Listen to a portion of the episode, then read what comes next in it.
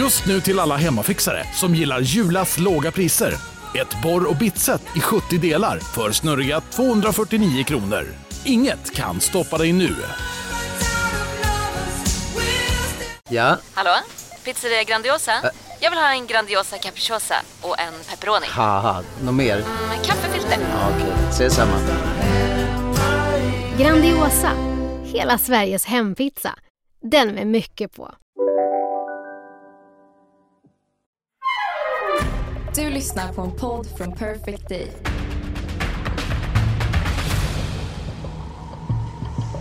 Dagen är kommen Kärlek triumferar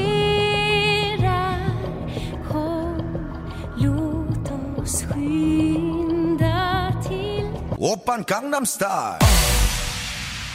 Ja, Jerka. Ja, Då dagen kommen.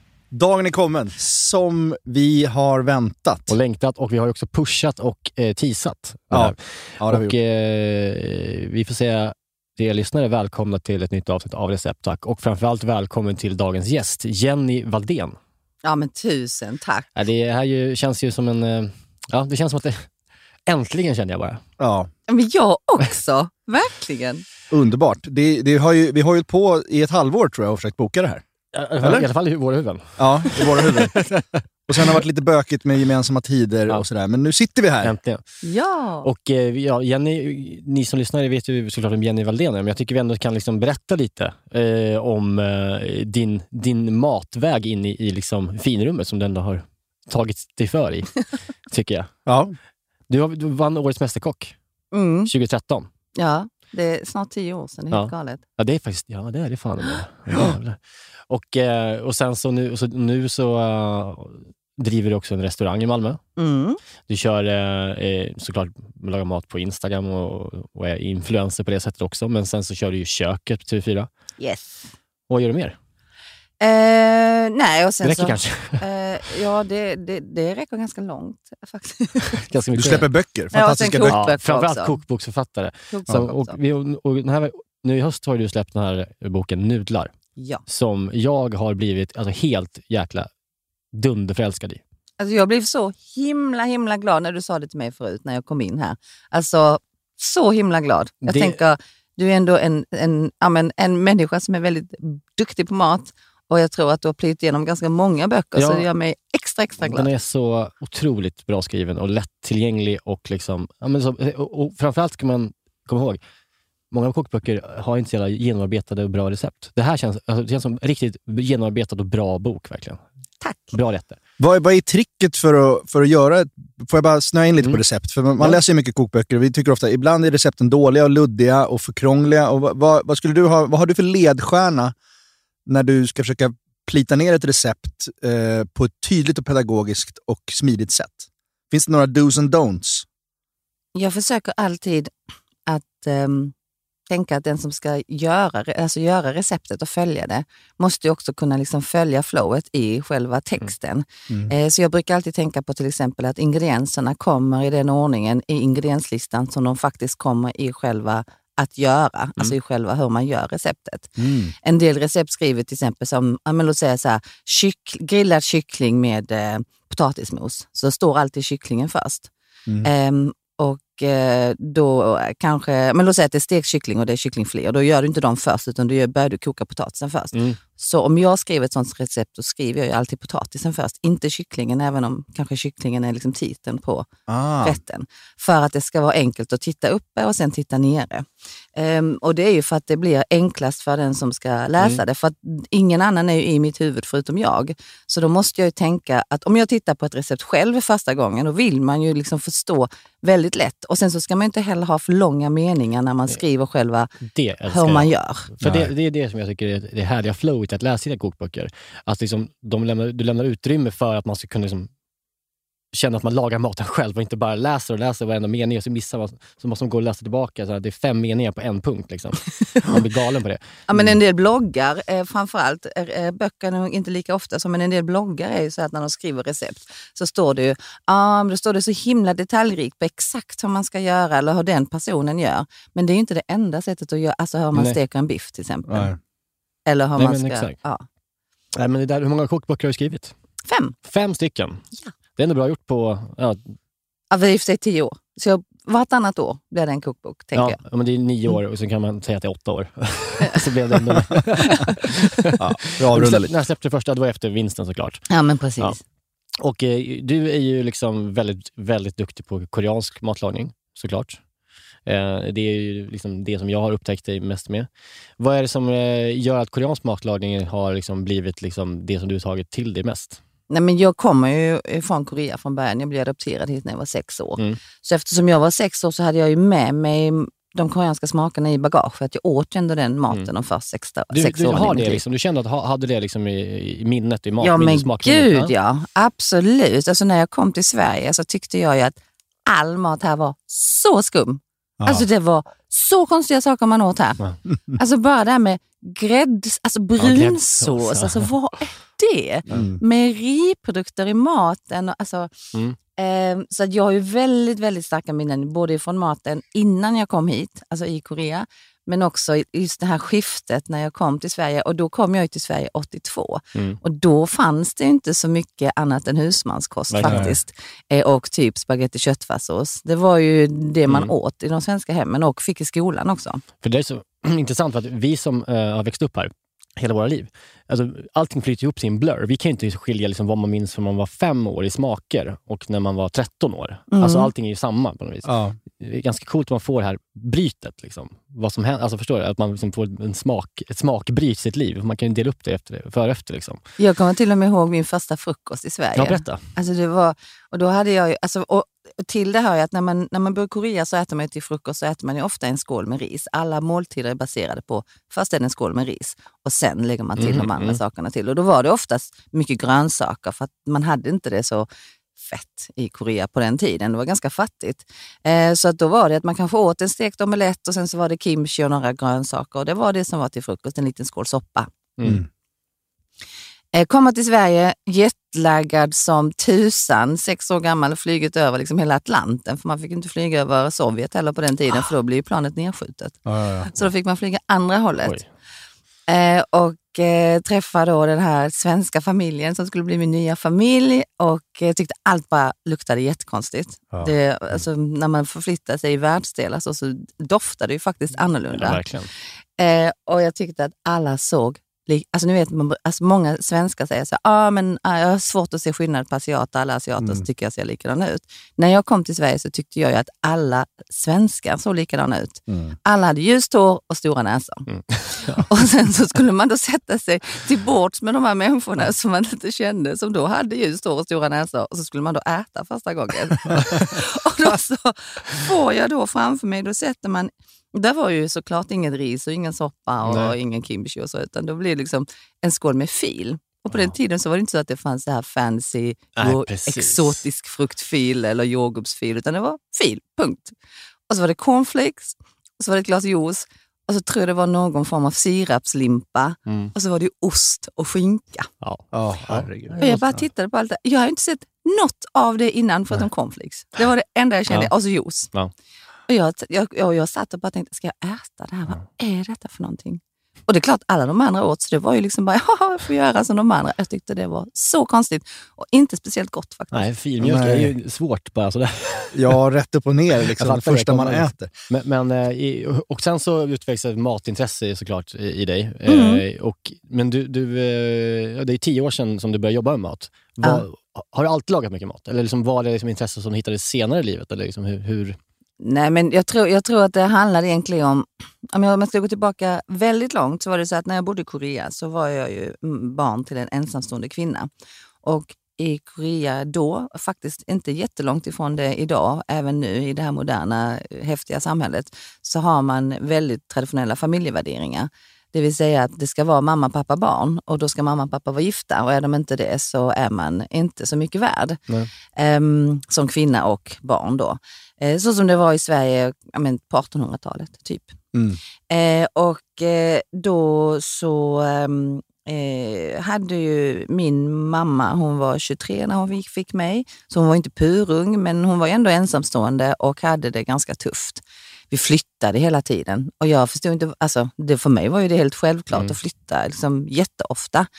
Eh, och när jag kom till Sverige så var jag så här, men ska vi inte flytta snart? Varför bor vi kvar här? Mm. Och det jag förstod egentligen inte förrän jag var vuxen, att vi flyttade ju runt så mycket för att hon, fick, hon blev sparkad, när alltså hon, fick ju, hon blev vräkt. För att mm, hyresvärden upptäckte att det här finns ju ingen kvar i huset. Nej, okej. Mm. Eh, så att hon, och, eh, ja, men så hon hade det ganska tufft. Eh, så att, eh, jag hade då min mormor som bodde ute på landet och hon, eh, hon har väl levt ett ganska liksom, hårt liv själv, varit med om Koreakriget och sådär. Så att hon var så här, hon, hon brydde sig inte om vad folk sa. Eh, och när jag kom ut till landet så bodde hon i en liten by och då, blev liksom, ja, men då var jag en av alla byns ungar. Eh, så för mig att komma ut till henne, det var ju min stora frihet. För det var ingen som gick och eh, var orolig och ledsen och så, utan det var liksom glatt och härligt och man fick vara som alla andra. Eh, och då var det ju så att eftersom min mamma bodde på landet så var det ju så att alla tog ju hand om det som jorden gav. Mm. Eh, så att alla odlade egna grönsaker och alla var ute på ris. När det var risskörd, då släppte ju alla allt och bara ut och skördade ris. Och sen så när det var kimchi-dags, då gjorde hela byn kimchi tillsammans till alla. Ehm, så allting, eller inte allt, men väldigt mycket cirkulerade kring mat där. Och min mormor, hon var ju också så, Eftersom hon hade så mycket sysslor så var det inte så att när jag kom ut till henne till landet att hon sa ja men du ska vi gå ut och plocka blommor ihop. Utan då var det ju kom in i köket och hjälp mig att göra Mm. kimchi eller vad det nu var för någonting. Och hon var alltid så att jag fick alltid smaka på allting som hon gjorde och tycka till. Och, alltså, det gjorde hon för att vi skulle bonda såklart. Så för mig så har jag, alltså ända sedan dess så har ju alltid köket varit en trygghetszon Mm. för mig. Jag har alltid älskat att vara i alla kök. Jag kan komma nästan hem till vem som helst. Även innan när jag började jobba med mat så kunde jag komma hem till vem som helst och bara känna mig jättehemma i deras kök. Eh, och eh, sen när jag kom till Sverige så hamnade jag också i min svenska familj där min mamma Berit och hon är också väldigt matlagningsroad. Så det blev ju liksom att det fortsatte liksom där. Eh, och sen så var hon väldigt mycket så också när jag växte upp att hon gav mig fria händer i köket. Mm. Ehm, vilket jag tror kanske jag inte ens själv hade gjort med mina barn på det Nej, viset. De är värdelösa. Nej, nej men alltså, hon, kunde ju, hon kunde ju vara så här att eh, om jag sa, ah, men mamma jag vill, eh, jag vill prova att göra köttbullar. Ja men det är klart, gör det. Jag ska visa dig. Så gjorde hon två med mig och sen gick hon och gjorde något annat. Mhm. Och sen kom hon tillbaka och gjorde. Och sen såg ju köket ut som, ja, kan jag tänka ja. Ja, jag förstår det. Men sen så, eh, du, det, ja, så, så blev du, du pluggade och så var du marknadschef läste jag på om att du var. Mm. Och, så här, och sen så kände du ändå att liksom, det fanns ett kall att jag vill ändå jobba med mat. Och sen så, eller var det liksom bara en slump att du kom med i Sveriges Mästerkock och sen så blev det som det blev? Nej men jag har alltid, jobb, alltså jag har alltid eh, hållit på med mat som min fritidssyssla. Det har liksom varit min stora passion i Mm. livet och min hobby. och min, liksom, Allt utanför mitt jobb har ju varit mat. Men däremot så tyckte jag väldigt mycket om mitt jobb. Så det var inte så att jag sökte till Sveriges Mästerkock och tänkte åh nu vill jag byta karriär. Nej. Okej. Och för tio år sedan så var det också så det fanns ju liksom ingen självklar väg att Nej. gå för det var inte så många som hade gjort det innan. Utan för mig var det att jag sökte till det för att ja, men jag gillar att laga mat, jag gillar att tävla, det verkar vara kul att se hur det går till på en eh, tv-inspelning. Eh, jag vill få tummen upp av Leif Mannerström Ja. och se... Det vill man ju. Ja men han är ju en legend. Ja. Så det är klart man vill ha en tumme upp av Leif. Ja, så jag tänkte, klart. får jag det, sen är jag nöjd och sen Ja. går jag tillbaka till jobbet. Liksom. Ja. Alltså, det var ju bara en kul utflykt till Helsingborg över helgen. Ja. Då har du alltid fått en tumme upp av Leif Mannerström. Liksom. Då kan du alltid ha det med dig. Ja. Jag fick väldigt många sen, så, det var, så det var ju fint. Ja. vad, vad, vad, vi älskar ju Mästerkocken båda två. Ja. Alltså, vi följer det slaviskt. Det är vårt favorit. Ja, det gör vi. Vi älskar det. Eh, vad, jag, jag minns inte nu, vad var det första du bjöd på? Ja. Som, vad, vi- vilken var den första tummen upp på audition? Ja, men då, eh, då bjöd jag på eh, bulgogi-marinerad eh, skånsk hälsogris.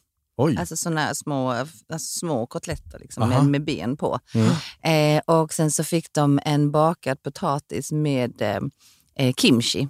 Aha. Alltså med vispat okej. smör och kimchi i. All right. Det brukar vara älska eller hata den här kimchin. Så är det ju. Chefen för Samsung var hos mig en gång på en restaurang. Hade han med sig sånt här? Kimchi. Vad tyckte du om det då? Ja, Jag tyckte det luktade fan i och för sig, men det gör ju surströmming med som jag älskar. Så att det... Självklart! Det blir ett ja från mig också. Grattis! Och sen så var det någon, ja, men, några okade grönsaker. Och då försökte jag liksom ta lite så här retro barndomens bakade potatis, Ja. slänga i kimchi i den. För i Korea käkar man framförallt mycket sötpotatis med kimchi. Ja. Eh, och sen så då det här skånska hälsogrisen, samtidigt som den var då smaksatt. Men vad är bulgogi? vad är det? Bulgogi, eh, bokstavligen, eller ordagrant, så betyder det eldkött. Ja. Eh, och det, alltså det är ju inte för att det är starkt, utan det är ju för att det är Korean barbecue. Ja, okej. Mm. Just Eh, och då så, för att i Korea så har man ju traditionellt tillagat kött över öppen eld. Så att det är egentligen bara Korean barbecue. Ja, ja. Mm. Och, men bulgogi har ju blivit innebörden, har ju blivit den här smaksättningen med vitlök, soja eh, och sesam. Det är ju liksom de tre komponenterna. Så gör man en marinad och så har man oftast ett asiatiskt päron i eh, och sesamolja och socker och sen så är det då ehm, de här tre komponenterna Mm. också som är väldigt smaktongivande. Det känns som att det börjar komma lite bulgogi. Det finns lite food trucks med bulgogi-kött och lite pommes frites och sånt där. Alltså ja, men det- bulgogi is ja. shit alltså. Ja, det är det. Vi, vi har inte riktigt utforskat det. Nej, det ska vi verkligen göra ju. Ja. Eh, och sen så den här koreanska liksom, matscenen i Sverige, alltså, alltså det, det har ju ändå, vad jag upplever, så måste det ha exploderat, just det, typ när du kommer fram ungefär, där 2013. Mm. Innan det så åt inte jag koreansk mat i Sverige. Nej, Men det fanns ju knappt. Det gjorde, eller hur? Det gjorde inte det? Det fanns på Arirang. Alltså, Alltså den här typ, det var så, ja. Stockholmsrestaurangen. Och nu är det som ett av de mest etablerade köken, nästan, i Sverige. På något vis. Inte etablerade, ah. men alltså mest omtyckta. Alltså, så här, det, är liksom en, det är verkligen en grej att, alltså, att äh, äta koreansk mat. Ja, i Stockholm i alla fall känns det verkligen som att det Ja, men det är liksom många som gillar det, absolut. Ja. Ja. Ja, det är intressant det där. Vi är den här veckan sponsrade av Bosch och framförallt köksmaskinen serie 6. Serie 6, maskinen som kommer få både dig och mig, och, eller redan har fått både dig och mig att börja baka mycket mer än vad vi redan gör. Och detta gör vi då med hjälp av Bosch eh, serie 6. En av anledningarna till att den är så jävla bra är ju också att den har, den har en unik 3D-rörelse som ser till att degen arbetas ordentligt och att alla ingredienser fångas upp i botten av skålen. Den har också sensordrivna program som gör att maskinen känner av till exempel när degen är färdigt, har knådats tillräckligt. Och den stannar då när degen är perfekt knådad. Vi kommer ju släppa ett extra avsnitt eh, snart, eh, där vi har en gäst. Mm. Seina Mortada. Ja, så jävla Seinas härlig. Kitchen. Så jävla härlig kvinna. Älskar henne. Seina är ju en mästare på brödbakning. Och hon använder ju själv serie 6, så man förstår ju ändå att det är bra grejer där. Ja, den är också så här rejäl, stadig. Den kan alltså bearbeta upp till 3,5 kilo deg i den här 5,5 liters skålen. Så du kan göra ordentliga degar i den här. Integrerad timer, våg. Att den har en inbyggd Ja. våg. Så du behöver inte hålla på och måtta upp med decilitermått eller någonting. Du kan hälla på tills du ser att det är rätt mängd gram. Ja, och, och inte bara att den har en och två vågar till och med. Det är både den som är i själva skålen och så har du upp på själva armen där själva kroken sitter i, så finns det liksom ytterligare en våg. Det- Något som tyder på ett väldigt stor, stor maskinslugn är ju att man kan få prova på hemma 100 dagar med fri returrätt. Ja. 100 dagar! Jag har ju länge drömt om att bli mer som min mamma. Min, min mamma, när vi är på landet, då bakar hon ju bröd varje kväll. Vi är 12 pers där, då bakar hon frukostbröd till alla som är färskt på Ja. dagen efter. Jag vill ju föra det här vidare. Där är ju Bosch serie 6, det är lösningen för att den är så enkel att använda. Bosch serie 6 finns att köpa hos Power. Och där kan man även läsa mer om själva köksmaskinen. Vi tackar Bosch. Vi tackar Bosch, vi tackar Bosch och vi påminner också om att det snart kommer ett specialavsnitt med Bosch och Zeina. Danke. Dankeschön.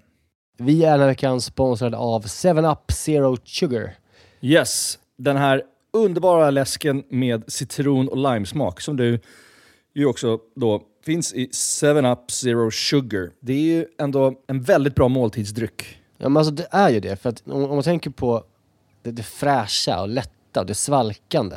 Det citron och Det limeiga. Upplyftande citron och lime, förstår du? Alltså Ja. det, det är klart att det, det, nästan, jag tror faktiskt inte det finns någonting egentligen som, som blir sämre, alltså mat, av att dricka 7-Up. Nej. Förstår du vad jag Nej. menar? Alltså Nej. så här, den smaken är så pass liksom ren och clean och liksom svalkande och allt det där. Mm. Du fattar? Jag tänker nu, nu närmar sig valborg här. Det ska, det ska ändå komma lite värme. Att liksom bara Mm. Hälla upp en 7-Up med is och citron i ett kallt glas i trädgården. Mm. Och kanske grilla så här, kyckling Mm. på rotisserie. Har du gjort det någon gång? Nej, men det, det kanske är något som faktiskt eh, den här, jag kommer börja med i sommar. Med en fräsch syrlig sallad, Exakt. lite primörer och sen ett uppfriskande glas 7-Up Zero Sugar. De sista åren när Zero har tagit liksom över marknaden så, så blir man ju glad eh, varje gång man upptäcker att liksom ens gamla favoriter som 7-Up ändå har varit genom åren. Mm. Och bara, ja, det är klart att det finns i Zero också. Den här smaken är verkligen... Alltså jag kopplar den starkt till sommaren och sommaren står Ja. framför oss. Så att det är bara att langa in lite 7-Up i kylen eh, och eh, ta dig an sommaren på ett värdigt sätt. Vi hälsar sommaren välkommen och knäpper en 7-Up Zero Sugar. Lyssna bara på det här ljudet. Vi är den här veckan sponsrade av Pilsner Urquell, våra vänner på Pilsner Urquell. Ja, de har blivit som en fast punkt för oss ju. Eh, Jag framförallt dricker kanske mer Urquell än vad du gör.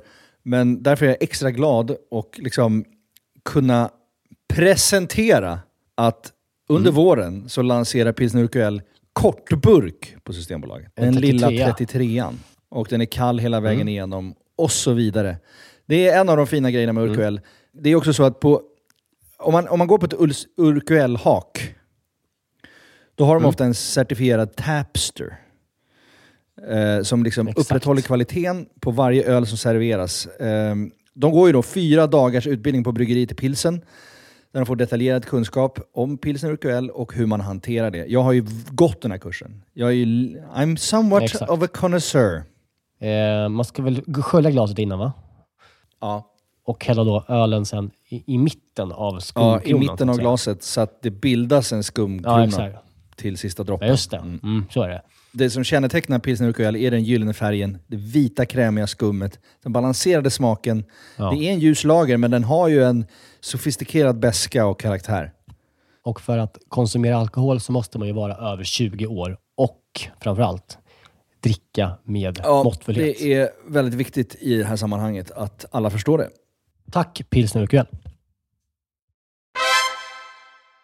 Du har ju som sagt släppt boken Nudlar och eh, där, ut, i, i den boken finns det en rätt som vi i det här avsnittet ska avhandla. Som jag kommer att laga ut, utifrån Jennys liksom, eh, instruktioner. Vi kommer gå igenom den rätten och kan du berätta vilken rätt vi ska eh, välja från boken? Ja, det blir chapche. Chapche. Och det kan ni liksom tänka på vad det är. Det kommer jag inte berätta nu. Nej, det kommer- återkommer vi till. Det återkommer vi till. Rafflande. Ja, Chapche. Det är, liksom, det är bra tryck i namnet. Ja. Eh, och det låter asgott. Så att jag tycker vi kan sätta igång med det som vi alltid gör när vi har gäster. Det är en faktaruta. Så att, eh, vi börjar med den. Favoritkök? Ja, det, ja, det är ju det koreanska köket. Ja, är det så? Och Okej. det italienska. Ja. Jag måste faktiskt säga två. Ja. För jag, lite, jag känner mig lite så schizofren ibland för att jag har liksom ben lite överallt. Ja. Mm. Eh, favoritlök? Vitlök. En krydda. i den här- I den här podden är en krydda. Det är ingen Ja, tyvärr så, tyvärr så. Alla, alla våra gäster säger nästan Ja. vitlök Är det och då säger vi sant? nej, man får inte säga vitlök. Man får inte säga Nej, vitlök. oss, vi, vi tycker att det är så... Det är det är Det är för gott. Det är för gott. Det är för lätt. Nej, men Är det, ah, vi, vi ser det mer som en krydda. Vi, vi, för att göra frågan lite mer eh, spännande så får man inte säga vitlök. Okej, men då säger jag gul lök. Den känns väldigt så här jordnära, down to earth, basic och eh, ödmjuk. Ja, alltså, jag, eh, vi, jag brukar gilla silverlök mycket och, och, och schalottenlök och bla bla. Men här i veckan så, så gjorde vi en tomatsås hemma. Eh, och så, använde, så hade inte jag schalottenlök, som jag alltid gör med. Så hade jag bara gul lök. Upp, jag återupptäckte gullökens storhet. Ja, eller hur? Ja. Ja. Ja, den, den, den, har, den har något alltså. Ja, men jag är faktiskt beredd att hålla med. Den är som en silverlök med, med pondus. Ja, Ja, men det är mer tryck i den. Och sen tycker jag, om jag ska vara helt eh, ärlig, så tycker jag också att det är härligt med den gula löken är faktiskt för att den är alltid svensk. Mm. Silverlöken är oftast från någon annanstans, Just det. men Ah. den gula är alltid svensk. Hur är det med schalottenlöken då? Eh, oklart. Jag Det- tror inte den är så jättesvensk. Jag tycker det är väldigt fint att åka runt så här, ja, i Skåne framförallt, alltså på fälten på hösten. Så ser man så här, det ligger liksom milslånga liksom, fåror med, liksom, med lök. Ja. Som är så här högar, liksom i, så här, i, i en halv meter hög, höga. Liksom, Åker du ofta runt på fälten på Österlen på hösten? Ja, Känns två, inte som att du gör det Två jättemycket, höstar i rad gjorde jag det när jag gjorde Karl Fredrik Ja, just det, du gjorde Karl Fredrik ja. Det är därför. Ja, okej. Fast jag kan faktiskt avslöja att om man tar sig någon dag och åker runt och bara cyklar, eller Mm. det kan man faktiskt göra, cykla runt på Österlen eller i Skåne, så är det ju så på hästarna. Det är, det är ju inte, liksom, det är bara, det är inte en myt som, du, som, som Niklas säger Nej, nu, utan det har ju, du har ju liksom kolfält. Ja. Då kan du liksom se stora fält där det bara växer massor med rödkål, grönkål, bro, äh, bryss, ja, men allt, bara, Jag såg, ett allt växer. Underbart. pumpafält som var liksom, som Mm. kanske liksom, här, fyra fotbollsplaner. Som, som, när man ser det från håll så är allting orange. För Ja. det är som man kommer i den Ja. vinkeln så att säga. Och då blir det så jävla mäktigt att åka liksom, bland pumpafält också. Ja. Eh, ja, då var med det. Men, eh, Så ja, gul lök. Ja, gul lök. gul lök. Gul lök. Men ett icke-favoritkök då? Alltså någonting som du har svårt för? Finns det något land eller liksom ett kök som det här känner jag, inte, inte för mig. jag, jag, jag är inte så picky. Jag är ganska äventyrslysten när det gäller mat och tycker det liksom är spännande. Eh, men jag har varit på Grönland Mm. och just det köket var kanske Nej. inte för mig. Är det mycket Späck. fisk, liksom sur, sur fisk? sur kall fisk. Nej, men vet du vad det var? Det var, det var mycket valspäck Ja. Mm. och så var det mycket sälgrytor. Ja. Ja. Ja, men jag har hört om de där, att de ska Mm. vara fruktansvärda för någon som inte liksom har växt upp med det. Ja, Att det här Det- är ganska segt kött, det här säl. Ja. jag tror att de kokade oerhört länge men det har en väldigt egendomlig smak som jag kände att jag kunde inte riktigt... Finns ett tran eh, inblandat i smaken? Och så har du tran. Tran, här transmaken som man kan få björn också. Och det, jag har inte ätit björn så jag kan inte uttala mig om det. Vad menar du med tran? Tran är ju liksom en... Alltså fågel? Vilken tran? Va? Ja, Man vad slänger är- ju lite tranor i grytorna. Ja, det var Eller det jag tänkte du? på också. Tran. Är det en smak eller? Jag tänkte också på Nej, men tran är ju... Att det är en fågel. Ja, men jag vet Nej, inte, men- vad- jag vet inte jag vad tran annars skulle vara. Men det är liksom en, en bismak, liksom en järnig liksom, eh, alltså det är väl ett ämne. Alltså tran. blod typ. Ja men typ liksom Ja. den. Ja, men lite så off. Alltså, alltså, om man tänkte tänka sig megavilt, Ja. tänker du? Ja, men alltså, björn är verkligen, jag ska kolla vad tran är. Ja, du måste slå upp det. Trana. Jag tänkte också på tänkte, Ja, men det hade inte varit konstigt med tanke på vad de slänger Alltså, tran är en flottig olja som utvinns ur fisklever och kroppar av andra havsdjur som är rik på A-vitamin. Så Tran, Kroppar av andra havsdjur. ja, men alltså, det finns ju olja, man kan kä- käka för att må bra. Liksom, Ja. Eller vitaminer och skit. Så omega-3 och sånt. Ja. Ja, men det grönländska köket har inte slagit hos Jenny det och det har har inte- inte slagit eh, någonstans egentligen, Nej. förutom på Grönland. Nej, det- så kan det ju Nej, vara. det finns inte så mycket grönländska restauranger i, i Stockholm. Mm, Nej, Ännu. Inte än. det kanske inte kommer Men komma. inte mycket, eh, eh, eh, vet du, det, finns, det, finns det inte en ganska stor grönländsk community i Köpenhamn? Jo, men det borde finnas absolut. Ja. Det tror jag. De är ju tyvärr väldigt alkoholiserade många. Eh, Ja. Nu är inte de här och kan försvara sig. Nej, men jag Men, eh, har absolut. Någon, Nej, men ju- när jag var på Grönland och flög hem Ja. eh, så satt jag och pratade med en tjej som pluggade i, alltså en grönländsk tjej som pluggade i eh, Århus Ja. i Danmark. Eh, och då frågade jag henne just om det, ja, men, vad, liksom, vad har du för favoriträtt? Och så tänkte jag, var så himla nyfiken. Och då, då sa hon just det, Nej, men det jag kan sakna allra mest när jag är i Danmark, det är ju mammas sälgryta. Ja. Jag bara, Mm. oh no! Du bara, mm, vad gott. Och då frågade jag till och med, vad har hon i sin sälgryta? Och då sa hon, nej men är det, är det så att vi kan få tag på det så är det lök. För att det är ju väldigt kallt, Om det växer ju liksom på- ja, det är inga, ingenting. det är inga Nej. fina fält på Österlen där uppe. Nej, så då sa hon, ja men då är det lök och sen så kokar hon det i, med salt vatten och sen så är det då säl. Jag bara, Det var det. Mm. mm. Och så sa hon, ja så är det långkokt. Fan. Jag bara, mm. Har de tur så slänger de i en trana också. En gammal trana. Gött. Vilken rätt lagar du oftast i vardagen? På en, om du tänker på en månad. Oj, den var svår faktiskt. Jag lagar ganska mycket olika saker hela tiden. Ja, men det som jag kanske gör allra oftast är en grönsakswok och sen så ibland är det kyckling i och ibland så är det biff i och ibland är det bara grönsaker. Mm. Eh, och sen så för mig är ju riset jätteviktigt. Mm. Mm. Du, hur kokar du ris? Du, Vi, vi, vi måste börja med först, vilken sorts ris? ja. Ja, det är, det, det är där konnässör. Ja. Nu är det riskonnässör. Eh, Om man säger riskokare, får man spö då eller? Nej, absolut Nej. inte. Nej. Det får man inte. Nej. Det tycker jag inte. Jag tycker nog att svenskar borde skaffa sig riskokare hemma. Eh, för att en del upplever att det är svårt att koka ris. Mm. Ja. Ehm, Om jag, om jag bara berättar hur jag kokar ris, då kommer jag Mm. få spö. Ja. Därför att jag lyckas aldrig med mitt ris. är det sant? Så jag köper boiling bag. Nej! Nej, jag tänker nu, nu kommer jag få spö. Nej! Jo. Men, Och jag skäms varje gång. Nej, jag skäms det. varje gång. Men Ja. alltså jag, jag får inte till riset. Det blir antingen är det för mycket vatten eller så blir det för lite vatten. Så häller jag på mer vatten och sen när det är klart då är det för mycket vatten. Alltså, och framförallt Jakob. med tre Ja. barn så blir det så här, alltså jag, jag har inte tid. Men ska Boiling vi bara, tio minuter, Ja, pang, men ska vi ge. Jerka då, liksom, där, om du tänker det här, det är vanligt basmati-ris du tänker, eller jasminris? Ja, jasmin brukar vi köra oftast. Jag känner Ja. mig helt i chocktillstånd. Ja, förlåt. Alltså, jag ber om ursäkt. Ja, jag nej, skäms. men det här är bra. Nej, men det är jättebra jag att du är skäms. transparent. Men där tror jag att det är där riskokaren kommer in i bilden tror jag. Lättare, eller hur? Än att hålla på med kastrull och, och mäta upp och grejer, eller? Eh, nej men det är så här.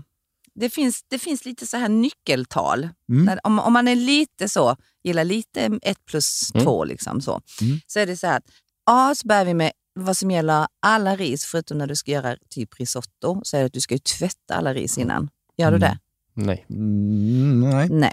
För vad som händer är att runt varje riskorn så sitter det stärkelse, risstärkelse. Och om inte man tvättar ris, riset innan så blir det så att innan riskornet har kokt färdigt så risstärkelsen blir ju grötig runt riset Mm. vilket innebär att vätskan kommer inte in i kärnan av riset. Det är därför många får ett grötigt ris Ja. som är hårt i mitten. Mm. That's the story of my fucking life. ja. Så du måste tvätta riset och då, ska, då räcker det inte bara lägga det i en sil och skölja av utan du lägger eh, riset i vatten i kastrullen du ska koka det i och sen så ner med vatten i och sen så kör du runt med handen tills eh, liksom, vätskan blir helt mjölkig. Okej. Och sen silar du av den och sen gör du samma procedur Mm. minst en gång till. Ska du göra sushiris gör du det tre gånger. Jasmin räcker två.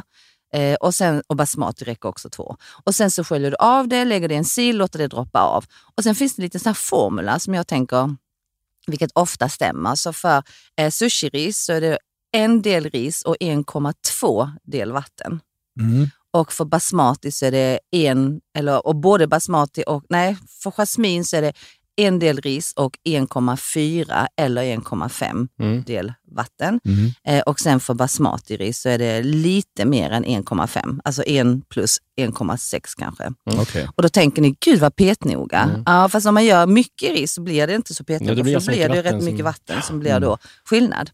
Men har du då tvättat riset innan, låtit det äh, rinna av väl i silen och sen så kör du det här 1 plus 1,2 1 plus 1,5 ungefär. Lite mindre för jasmin och lite mer för basmati. Så kommer du få perfekt ris. Okej. Bra. Ja, men det, det var sista gången jag köpte Ja, men det är jättebra. Ifall Jag tar dig på orden på det. Jag kommer att köra så här Ja. kontroll, eh, Ja. kontrollfrågor Ja, sen. nej, men absolut. Jag känner också att jag, jag kan inte leva med mig själv och hålla på med Nej, det men det går Det är inte, också det eh, liksom miljömässigt ohållbart och eh, Nej, det är dumt bara. nej, det är koka plast. För Alltså, fan. ni- Vad usel jag är. Jag gjorde- Kok, koka Koka plast. plast, du fick Ja. det låta riktigt. Ja. dåligt. Ja, Ja, jag, nej. du vet det, jag jobbade eh, en sommar på en sushi-restaurang uppe i Nor- Nordnorge, i Bodö. Ja. Och så, första tre veckorna så tvättade jag bara ris. Ja. Alltså, Mm. alltså tvätta ris, tvätta, tvätta, tvätta ris. Det det jag fick göra. Ja. Sen fick jag skära fisk. Eh, riktiga eh, sushikockar får tvätta ris i 15 år. Mm. Sen får de röra fisken. Herregud, Ja. vilket tålamod.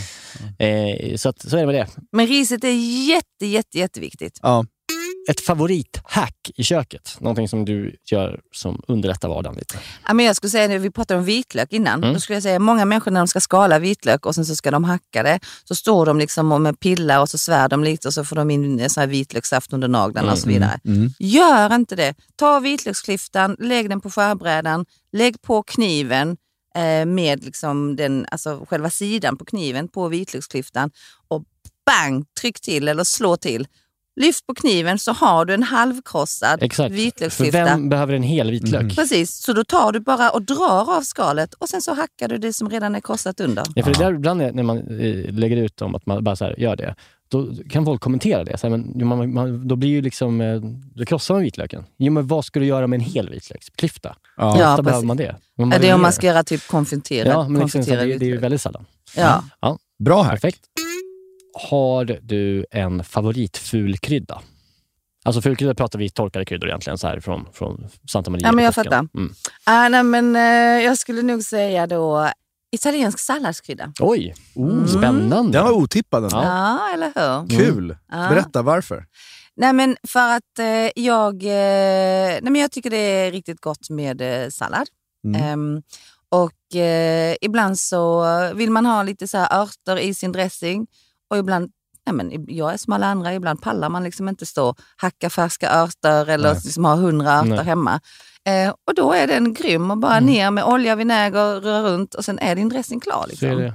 Ja, men det, det är Bra. bra. Kul svar. Mm. Bra. Också jättegott på tomater, bara tomater. Ja. Italiensk salladskrydda på. Ska man äta det som snack. Ja, men det är faktiskt gott. Ja. Det, det, det har jag glömt bort. Det är umami möter umami. Ja, det får bli ett köp. Ditt bästa redskap i köket som du inte klarar utan, som då inte är kniv, men, men någonting som är så här som har kommit att kanske bli. Ibland så hittar man redskap som man så här, nej men jag är lite för mycket, varför gör jag det för? Jo, för att Mm. jag älskar den. Mm. Men jag skulle nog säga mitt zestjärn. Ja. Alltså, eller med rivjärn med små Ja. hål. Inte zest, en, ja men precis. Mm. Eh, för det, går ju, det rivs ju både vitlök och ingefära på den, men Ja. det rivs ju kopiösa mängder parmesan Mm. på den också. Eh, citronzest, alltså Ja, apelsinzest. alltså, ja, jag men tycker verkligen allt. att det, det investerar i... Ja, men det, det är faktiskt, jag tänkte säga, mitt svar hade varit samma. För att, Ja. det, tror jag när vi började Ja. med podden så var det du som bara sa du måste ha en mic-" För jag har en sån gammal Mm. folkhemsrivjärn du vet, som står. Ja. Som är så här. Och det är ju bra, men sen jag köpte ett microplane så är det, alltså, det har förbättrat Ja. mina skills i köket. Och det kan man ju... Eh, det är verkligen så, det finns ju olika eh, tjocklek på microplane också. Det finns Mm. ju tre olika typ jag de har. Eh, så man kan ju verkligen utforska det. Men kö, ja, man, man räcker med en egentligen. Men Ja. jag gillar den som är, eh, inte det här smala, Nej, tycker det inte jag är det bästa. Utan Nej. jag gillar den som är liksom bredare, Mm. som ser ut nästan som en handflata, Mm. liksom, Ja. så bred den är. Mm. Eh, För då liksom, finns det mer yta att Mm. jobba med. Och den tycker jag är fantastisk, för jag älskar ju liksom att ha så här stora parmesanmoln på Ja. men en smörstekt men, en svampmacka. Så, så Mm. kör man parmesan Mm. på och då vill man ju ha det här stora parmesanmolnet. Exakt. Donken, Max eller BK? Oj. måste jag välja? Ja, det måste jag. Ja, men då säger jag Max. Synd. Synd. Eh, Mm. För mig. Nej, vi är starka Max-motståndare. Är det sant? Ja. Varför det? Jag, jag tycker ju att, nu, vi vill alltid risken att säga, ibland kan vi bli sponsrade av olika såna här, eh, kedjor då får man ändra uppfattning. Men jag tycker att Max, jag tycker att Max eh, eh, burgare är, känns mer kokta än stekta. Jag tycker det är som att tugga Och jag, tycker, kokt kött. jag tycker det luktar jäst bröd där inne. Ja. men då ska jag säga varför jag väljer Max. Det är för att jag äter ju nästan aldrig på sådana ställen. Nej, nej. Så då tänker jag att Max är ändå svenskt, det är Ja. norrländskt och känns lite Ja. så här mer Nej, visst. reko. Liksom. De har, de Ja. har faktiskt en jävligt bra, eh, jäkligt bra eh, vegetarisk hamburgare. De ja, men de var väl först med att Ja, göra det I alla fall också? på ett bra sätt. Ja. Den här halloumi med picklad brödlök. nej alltså det är liksom en, det här är typ Beyond. Meat-grejen Mm. som är så, det är faktiskt bra. Okej. Sen vad killarna i min familj tycker, det är inte samma som jag, det kan jag säga. Men de är ju lite mer frekventa det på de kedjorna än vad jag är. Ja, ja, ja. Mm. En mattrend som du aldrig riktigt eh, förstått dig på? Korvstoppning. Korvstoppning. det, det trendiga, ja. Det är det. Eh, Men- Den är inte, det är kanske inte så trendigt längre Jo, nu, det det men ju det var ju väldigt trendigt för några år sedan när alla skulle stoppa korv. Ja. Och jag vet, Mm. jag hade, vi hade vänner som träffades och stoppade julkorvar Ja. tillsammans och så inför julen. Jag bara, det är inte fräscht. Nej. Och det blir aldrig så bra heller. Det nej, för att alla har i alldeles för lite fett. Ja, det måste vara så Mm. mycket fett det. Och, och, när, när, och jag tror att när man ser det visuellt, hur mycket fett Ja. man måste trycka i, så gör folk inte det ändå. För nej, men man kan inte ha så mycket fett i. Och då blir det inte gott, Nej, det för korv ska vara Mm. fett. Mm. Ja. ja. Det är väl något också att hålla på och pula in saker i tarmar. Ja, det gillar inte du. Ja, inte- och sen liksom själva proceduren, hur det ser ut när det åker in i Ja. tarmen. Nej. Ska man Nej. stå där ihop? Ja, exakt. Det är väldigt... Och så står man tillsammans över en liksom kopp med Nej. glögg och så ska man trycka. Nej. Nej. nej, nej. Det låter skånskt och obehagligt. Usch. Du driver ju eh, Namu Mm. i Malmö. Koreansk matlagning. Ja. restaurang där på Lilla Torg. Eh, och då kanske du har en åsikt om den här frågan. Vad stör du dig orimligt mycket på när du är gäst på en restaurang? Finns det ett beteende? Liksom? Jag har ju väldigt problem med liksom en, en, en eh, hovmästare som sitter på knä bredvid en och ska prata om livet. Aha. Kallas maestro och sånt. Ja, du vet, Eller den kingen. Typ, Ja, ja. du menar så? Alltså det kan vara sådana grejer. Det kan vara att... ah, eh, Okej, mm, okej, nu öppnar det upp Mm. lite så att man liksom... Eller när, en, hov- eller när en servitör säger snyggt när man har beställt. Det har jag börjat få lite svårt. Snyggt? Bara, ja, alltså jag, jag beställer snyggt? inte det. snyggt? Ja, men att det är en Ja. snygg beställning. Ja, liksom, att. Om jag, alltså, Det måste vara ett Stockholmsfenomen. ja, det är Det verkligen... har jag aldrig Nej, hört. Men det kan man faktiskt höra i Stockholm rätt Ja. ofta. Snyggt! Ja. Och, och som att man gör det för att beställa, att imponera. Liksom, att så här, jag, jag vet vad som sitter ihop. Och, jag, tar ett glas Piemonte till Ja. eh, entrecote. Eller liksom, snyggt! Men jag har också problem med... Jag vill inte höra det. Eh, när, när de, eh, det kanske bara är av ren rutin, och det som inte de tänker på vad de säger. När man säger så här, de häller upp vatten. Och säger man, ah, tack. Ingen orsak. Ingen orsak? Nej, det, det var inte det. Jag tackar inte så mycket, jag bara var trevlig här. Ingen orsak.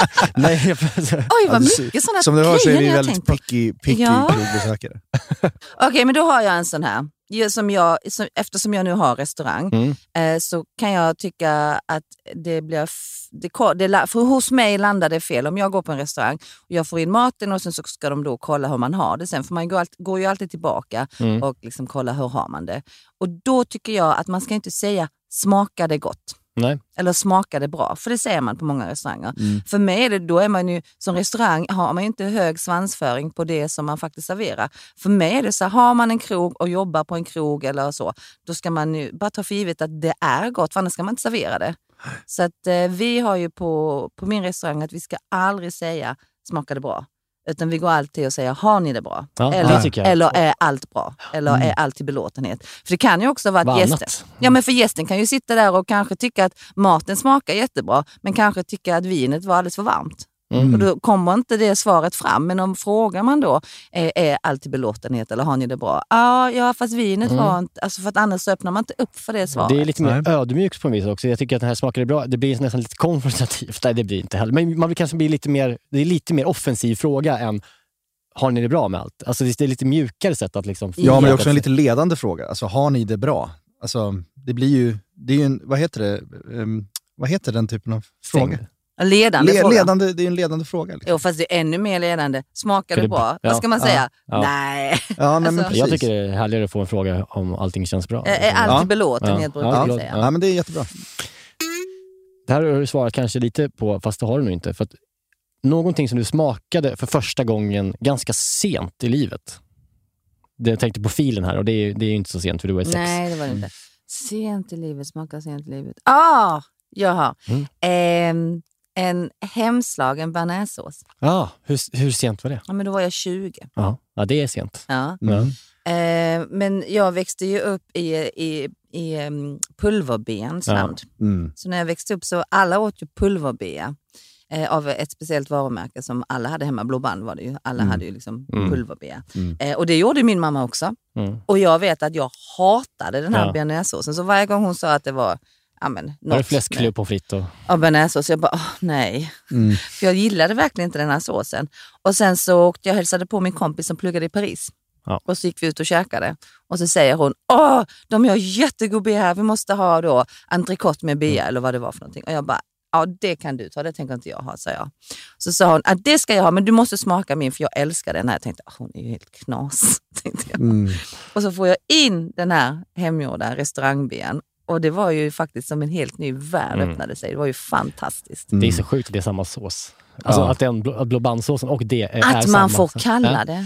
Men jag, jag kan tycka så här att bearnaise är det, alltså bearnaisesås är det ordet, tänker jag, inom svensk eh, men, mat som är mest misshandlat.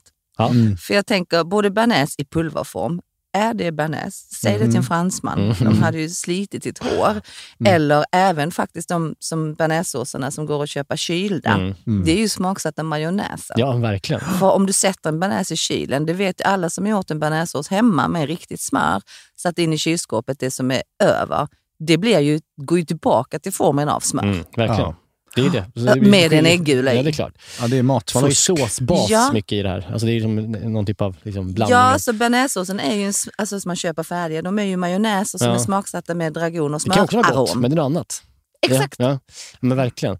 Har du, Mm. nu- jag lärde mig, jag hade inte koll på det riktigt, men det var en följare som skrev till mig, men det är en smart grej om man gör bearnaisesås. eh, Och liksom, för man vill ska göra det egentligen liksom direkt när man ska äta, men det är också lite jobbigt. Man har gäster, man ska stå och veva. Och det är liksom så här. Men att man eh, kan lägga sin bearnaisesås i en kaffetermos. Eh, Så Ah. håller den liksom rätt temperatur under den kanske man kan ha den flera timmar. Smart. Det är bra Ah, tips. Om man inte haft kaffe där innan Ja, man får, kanske. man kanske köpa, man får köpa, köpa en bearnaisethtermos helt enkelt. Ja, verkligen. Ja, men det är Fan, en bra smart. eh, grej ju. För det tycker jag också ofta. Jag drar mig ofta från att laga bearnaise Mm. när jag har gäster, för jag vet det kritiska momentet. Mm. Om det skiter sig då Mm. Och köttet är klart och allting, då, då, då vill jag hänga mig. Mm. Så att, eh, termos, bearnaise-termos. Exakt. Det ska jag införskaffa mig. Bra. Eh, jag, ska, får jag ge ett bearnaisehack? Ja, Ja. Eh, och då så skulle jag säga så här istället att man har allting för att man har, eh, då kokar man eh, eh, dragon med lök i vinäger. Mm. Så har man det stående och det behöver inte ens vara varmt. Och sen så har man smör som då är skirat, står och väntar. Där då bottensatsen verkligen är i botten. Och sen så har man en hög cylinderformad eh, bunke, alltså ni vet en vanlig Mm. sån.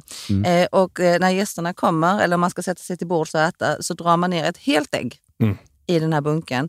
Och sen så då den här eh, löken som Mm. är då dragonsmakad Mm. ner i. Och sen så häller man i smöret och sen så ner med en stavmixer i botten. Och sen så kör man uppåt. Mm. Så är bearnaisen varm och färdig. Det är fantastiskt. Det Och sen så kan man bra. bara hacka ner Så det eh, funkar med fast det också? persilja. För, jag brukar ju, göra- exakt det gör jag med majonnäs. Ja, men det funkar också med bearnaise. Mm. Just med Då ett helt ägg tycker jag är en bra grej. Då får du i och för sig bearnaise med äggvita i. Men jag tycker det gör ingenting Visst, för det är du får ju liksom ändå den här härliga Ja. smaken. Bra. Nej, men det är bra. Okej, ska vi ta en sista fråga innan vi går på veckans rätt? Yes. Det här har jag alltid hemma i kylskåpet. Har jag inte det, då är det inte ett kylskåp av värde. Smör. Vet, har, har, har du koll på vad vi, gör, vad vi gör med smör?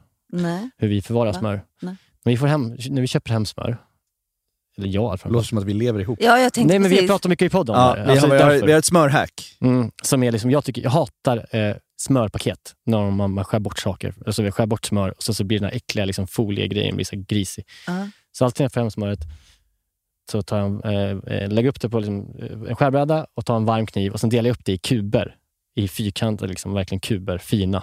Och så lägger jag det i en matlåda med lock. Och så har jag liksom färdiga kuber av smör Aha. i eh, kylen hela tiden. Det är inte många som älskar det eh, trixet, för de tycker det är jobbigt att göra det. Men Ja, jag men mår det så är bra att värt slippa. det. Ja. Men kan man inte bara lägga hela smörblocket i en? Nej, du måste ändå... Du, du behöver aldrig mer liksom skära i smör och liksom skita ner mer knivar. Och det är bättre att bara ta. Du kan ju ta, du vet att en sån där väger typ sju gram. Alltså, Ja, du gör dem så små? Ja, alltså de, jag snackar liksom Aha. Tärning. tärningar. Liksom. Tärningar. Ja, okej. Alltså så att det verkligen blir så att men två sådana är lagom till den här rätten. Och sen så, Mhm. ja, det är bra grej. Ja, det är Om man, satisfying. om man hatar, som jag, eh, smörfolie som ligger runt smöret och ser äckligt ut. Ja. Niklas är väldigt petig med eh, vissa saker i Ja, köket. Fast, fast jag kan säga att kockar är ofta det. Äckligt. Ja. Just det, sista frågan. Du, du är från Kristianstad. Ja. Kan du säga vindsvåning? Vindsvåning. Ja, bra. Hej, Synoptik här. Visste du att solens UV-strålar kan vara skadliga och åldra dina ögon i förtid? Kom in till oss så hjälper vi dig att hitta rätt solglasögon som skyddar dina ögon. Välkommen till Synoptik. Just nu till alla hemmafixare som gillar Julas låga priser. Ett borr och bitset i 70 delar för snurriga 249 kronor.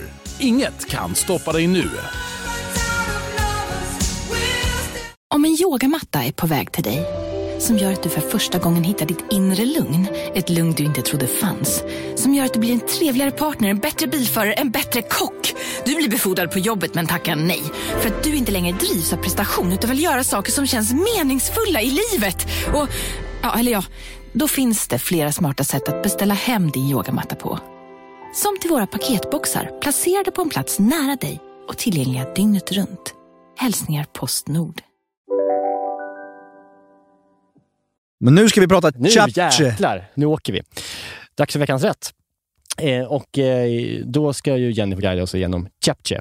Koreanska sötpotatisnudlar med sesam och grönt, så heter den i din bok. Ja. Den här kan du, eh, har du gjort mycket av i ditt liv. Ja, absolut. Kan du berätta grunden i en chapche? Vad är, vad är chapche? Alltså, chapche är en eh, maträtt, en nudelrätt som kommer från Korea och den är gjord på sötpotatisnudlar. Eh, och den serveras vid ganska många olika tillfällen. kan både vara del liksom av en större måltid, så att man äter det som man säger, liksom en banchan, det vill säga en sidorätt. Mm. Men det kan också vara, um, jag bodde i Busan eh, och pluggade och då stod de ute på gatan och körde det som street food, eh, vilket var helt fantastiskt. Eh, och den kan både förekomma ljummen och varm. Mm. Så att det är liksom en väldigt mycket allround-rätt. Men man äter inte som en, eller man äter också som huvudrätt, bara som en sån grej, som en, typ en lunch också. Ja, ja, det kan man göra. Ja. Absolut.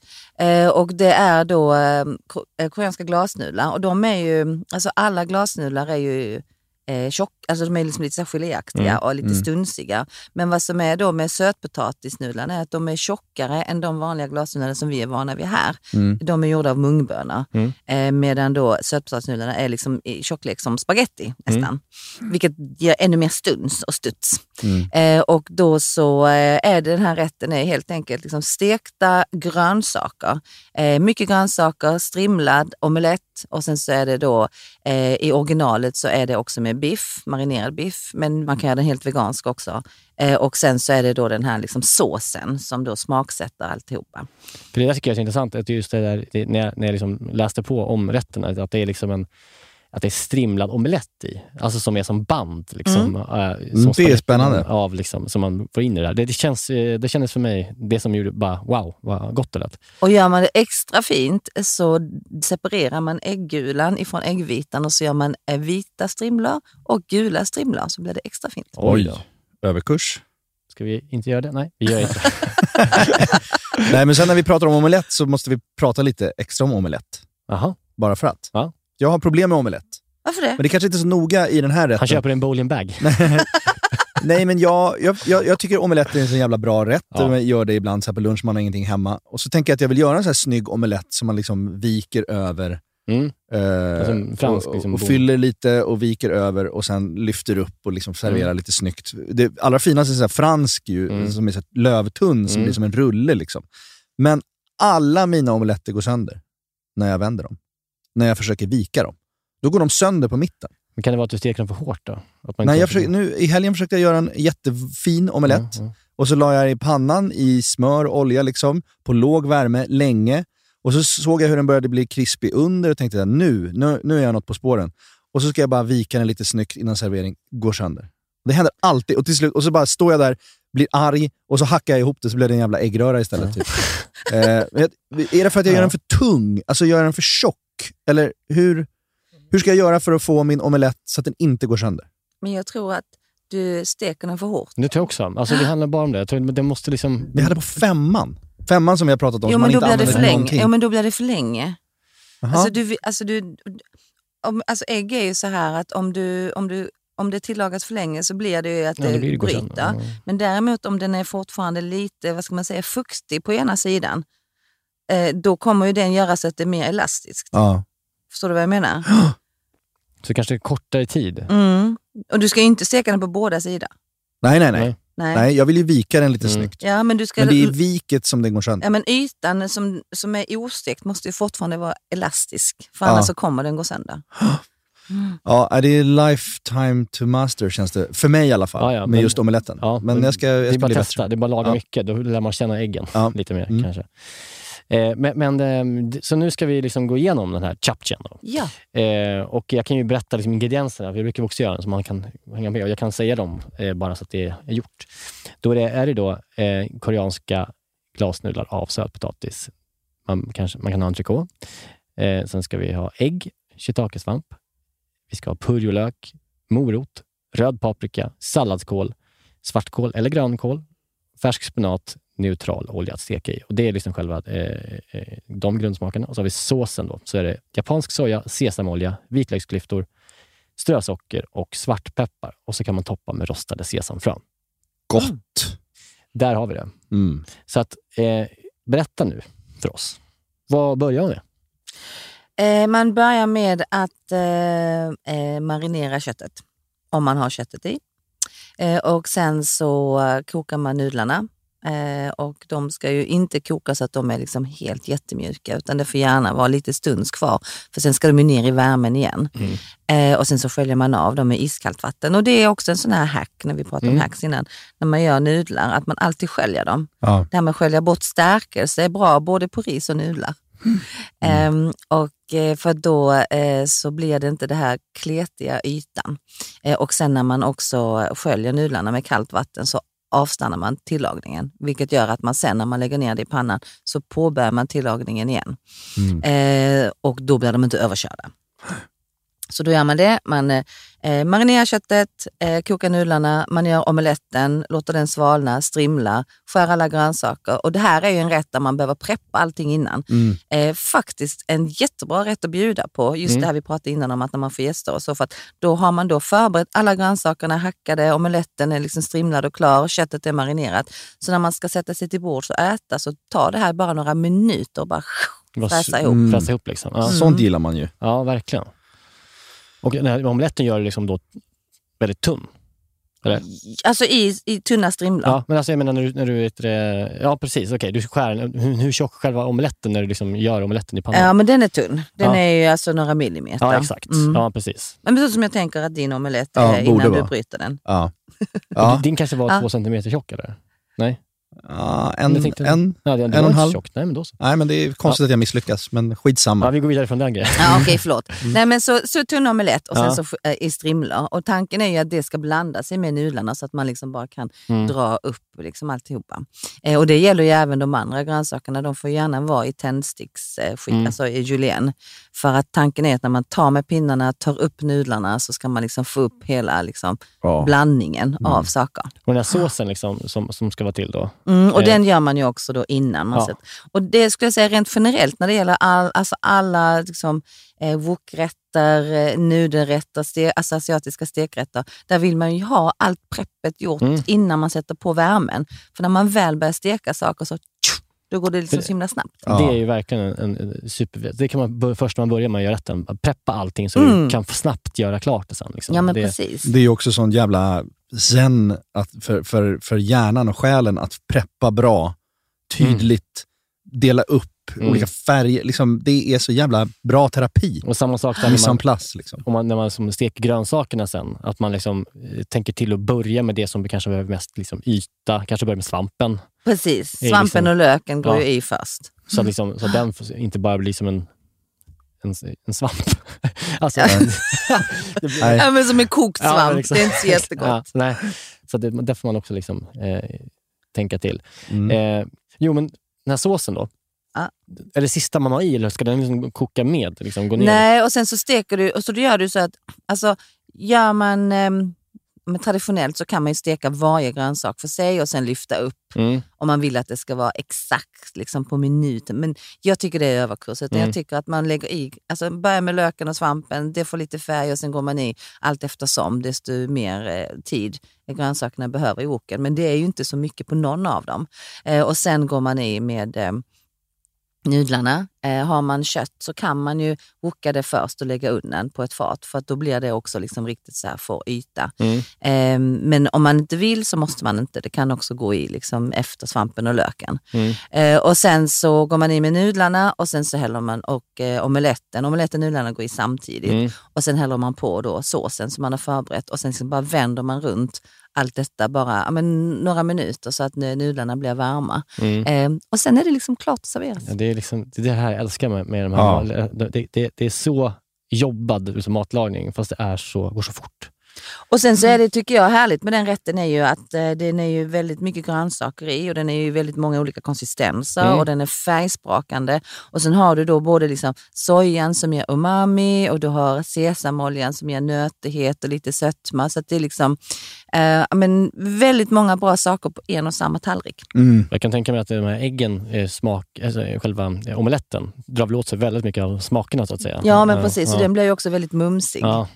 Gud vad gott Jag får alltså. mycket omelett i min känner jag. Ja. det känns gott. Va, Det va, är gott. vad har du ätit din bästa chapche? Ja, men det måste nog vara när jag pluggade i Busan och vi käkade som street food när vi var liksom på stan. Ja. skulle gå ut och ja, men, festa och partaja och sen Ja. så stod de där och Får man det liksom på. en sån här liten, liten papplåda? Typ, Ja, eller? precis. Trevligt. Vilket mys. Och sen så bara några pinnar och så står man där och bara trycker i sig. Ja. Alltså matresa Exakt så. till Kore- Sydkorea, Ja. det är min, en av mina drömmar. Ja, men det är väl, Tokyo, Sydkorea, alltså åh. Det Ja, måste men vara det kan jag, fantastiskt. jag rekommenderar Åker det ofta tillbaks varmt. och åker ofta dit. Alltså, nu under, alltså sen covid har jag inte varit där. Eh, Men annars så har vi försökt vara där en gång vartannat år ungefär. Mm. Och vad, vad tycker du man ska åka då? Alltså ska man åka till Seoul? Seoul? Ja, alltså Seoul är ju fantastiskt. Där kan man ju vara hur länge som helst. Där finns ju hur mycket grejer som helst att göra. Ja. Titta på, äta, framförallt äta. Eh, men jag tycker också man kan åka till, ja men Busan är ju jättefint. Mm. Det är, ju, är det näst största staden eller? Ja, precis. Det är näst största staden. Eh, och det ligger ju vid havet så att det liksom blir en annan upplevelse. Och där är en jättestor hamn och där finns väldigt gulliga, pittoreska så här pastellfärgade hus. Mm. Eh, och du har jättefina stränder där och så. Så att Busan är ju jättefint också. Oj, vad kul. Eh, och sen så har du ju Jeju som är en vulkanö som ligger precis eh, nedanför den södra kusten. Som då har otrolig natur och de växer jättemycket te och citrusfrukter där. Och där har du också de här kvinnorna som är fridykare som dyker alltså helt utan tuber eller något och bara ner och plockar eh, skaldjur. Men herregud, det låter som en saga. Ja, de är jättecoola. De och det är gamla damer som gör det. Ja, jassa. Och, de, eh, och det började nämligen så att ehm, för alla var ju fiskare på den här lilla ön, innan, den här vulkanön innan. Eh, och männen var ute till havs ofta. Ja, men, antingen kom de hem tomhänta, för det är ganska vilt hav där utanför. Eh, eller så var det en del som druttade i och dog och så plötsligt så hade familjen ingen försörjning och så vidare. Så då eh, började, när gubbarna var ute och fiskade så började kvinnorna dyka efter eh, skaldjur längs kusten. Mm. Så de liksom åkte aldrig ut med båten, utan de hoppade från klipporna Okej. ner och sen så hade de korgar och sen så bara håvade de i massa skaldjur i där. Till sist så blev det ju så att deras skaldjur blev ju mer eftertraktade än gubbarnas fisk. Mm. Så då fick männen vara hemma och kvinnorna var de som blev då huvudinkomsttagare eh, inkomsttagare i familjen. De här, är- de, alltså, nu är det fortfarande liksom, än idag eh, kvinnor som just... det finns inga män som gör det, det är bara kvinnor som gör det. Det känns som en dokum, finns det dokumentär om det här? Ja, men de har haft en utställning vet jag här i Stockholm för några år Ja, sedan okej. om det på något eh, av alltså, Östasiska Och då är det så här, liksom, riktiga krutgummor som är så här 70 Det- som bara hoppar. det, de är så coola. De är hårda. Ja. Du, när jag var där, för att man är så van att gummor är så här gulliga och Ja. man kanske går fram och börjar prata med dem och de ler eller så. Gick man fram till en sån gumma, för då ofta så, för att när de själva käkade liksom, så tar de ju, hade de en liten sån barbecue med sig och så bara slängde de på några skaldjur där och då gick ju någon annan där och tittade bara oj, tänk om man hade kunnat få smaka. Och så, eller vad är det de gör? Och så Mm. gick man fram och bara tittade.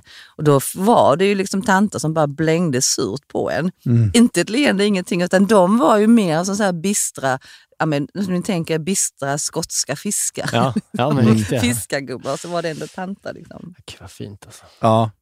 Ja, det, är nästa, det, det är verkligen en dröm. Jag, sista åren, alltså kanske två åren, så har jag börjat tänka mycket mer på att åka till Sydkorea.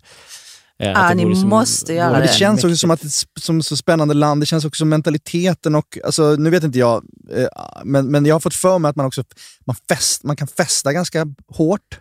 Eller, och, eh, har det, är det bara en myt, men har det med liksom Nordkorea att göra? Att man så vet att man så måste fånga, att man lever under en ständig så hot, liksom, att vad som helst kan hända och att man måste passa på. Det, det har jag fått för mig i alla fall. Att man, så här, man festar, man kör, man lever nu. Liksom. Man måste ma- maximera nuet.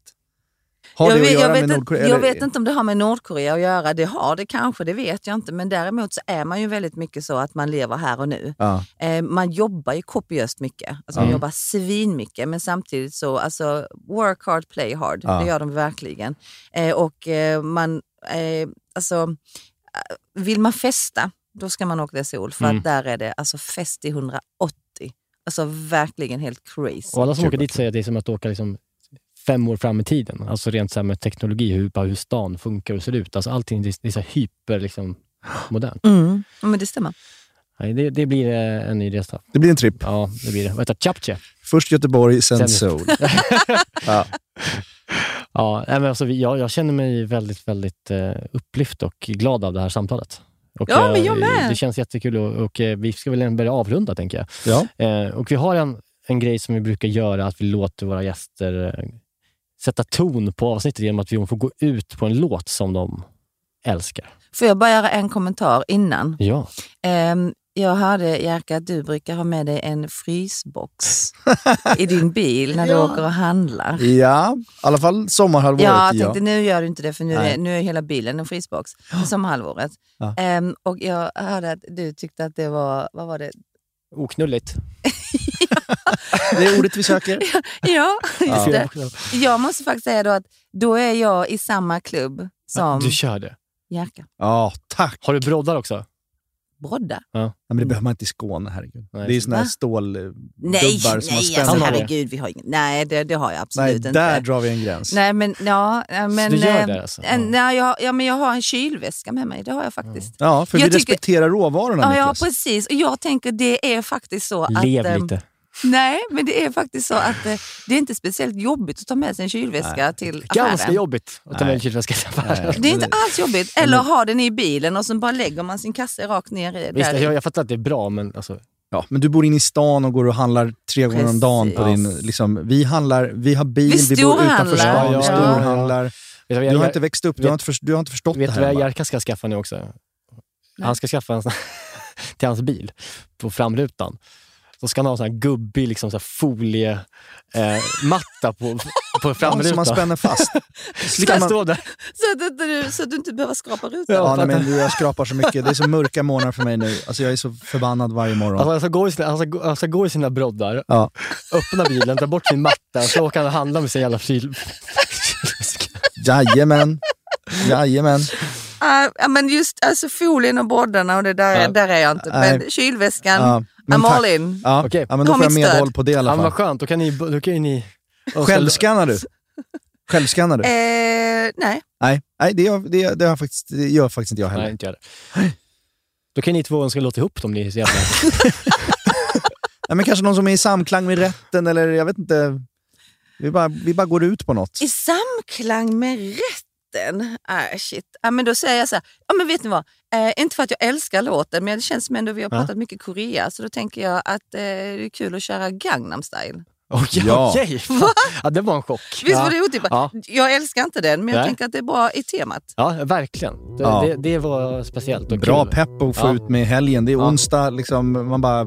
Samt som, Ut och laga chapche och lyssna på ju Gangnam liksom, Style. Nu hör man eh, hur det dunkar igång här, basen. Man blir ju glad av den här. Ja. Ni vet varför den heter så? Nej. Alltså, Gangnam är ju, eh, det är ju Sols motsvarighet till, eh, ja, men till Sture, ja, men runt Stureplan. Ja, ja, Aha. Typ, eh, eller till eh, ja, men Soho i Mm. New York och så vidare. Okej. Eh, och så då sjunger han ju att han är Oppa Gangnam Style, alltså han är liksom Motsatsen eller? Nej, han är killen eh, Gangnam Style. Så Ja, ja, ja. Oppa säger tjejer om sina pojkvänner. Ja, ja, Så eh, då är ju han liksom ja, Jag fattar. Aha. Mr Gangnam Han är Style. en Så- Stureplanskille. Precis, så, det, alltså då kanske ni, när ni tänker på Ja. den låten och musiken och videon och allt det där att det liksom får sin liksom lite så här komiska men ändå Psy. roliga. Souls Joel Ige Ja.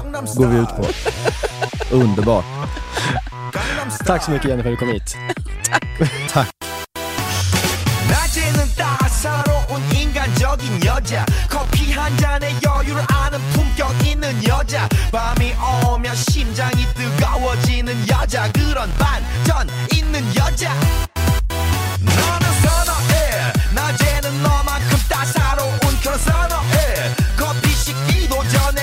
때리는 선어해 밤이 오면 심장이 터져버리는 선어해